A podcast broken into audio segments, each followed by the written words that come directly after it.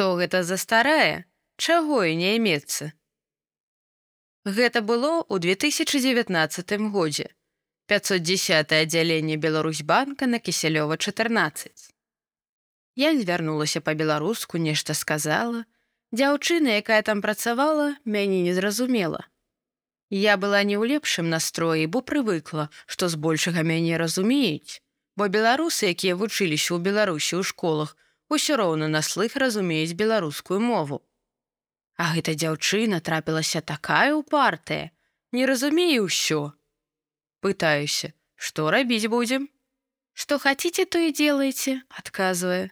Я кажу: Ну не ведаю тады, калі вы мяне зусім не разумееце, то паклічце якога начальніка, і яна паклікала мусіць загадчыцу я растлумачыла сваю праблему і тая адказала если не понимаете то с переборчиком ходите ничем помочь не могу у нас два государственных языка я сказала я живу у беларусі і беларуская мова гэта дзяржаўная мова яна стаіць на першым месцы ў спісе дзяржаўных моў я прыйшла ў банк які таксама дзяржаўны А мне кажуць, прыходзьце сюды з перакладчыкам.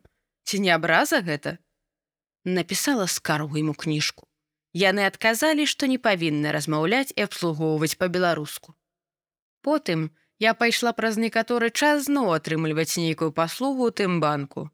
Ну і тая самая працэдура са мной зноў адбылася. Я зноў скаргу напісала, і зноў яны мне адказалі ў вельмі зневажальным тоне. Гэтая гісторыя вельмі паказальная. Я хачу вынесці на шырокую публіку, каб людзі сваё стаўленне да гэтага выказалі, каб яны зразумелі, што тут робіцца. Калі дзяўчынка, якая робіць паслугу, адказваючы па-руску, саромеецца, выбачаецца, гэта можна зразумець. А калі адразу амаль не ў бойку, і людзі, якія вакол азіраюцца і думаюць, што гэта за старая, Чаго і не імецца, чаго яна хоча ад нармальных людзей.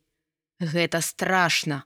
Насамрэч, нас проста пазбаўляюць магчымасці жыць і нешта рабіць у гэтай краіне, якая з'яўляецца нашай па нараджэнні. Святлана, 62 гады, пенсіянерка. Скарга. Скаргі бываюць пісьмовыя, вусныя і пададзены ў электронным выглядзе. Скаргі бываюць на жыццё і на іншых.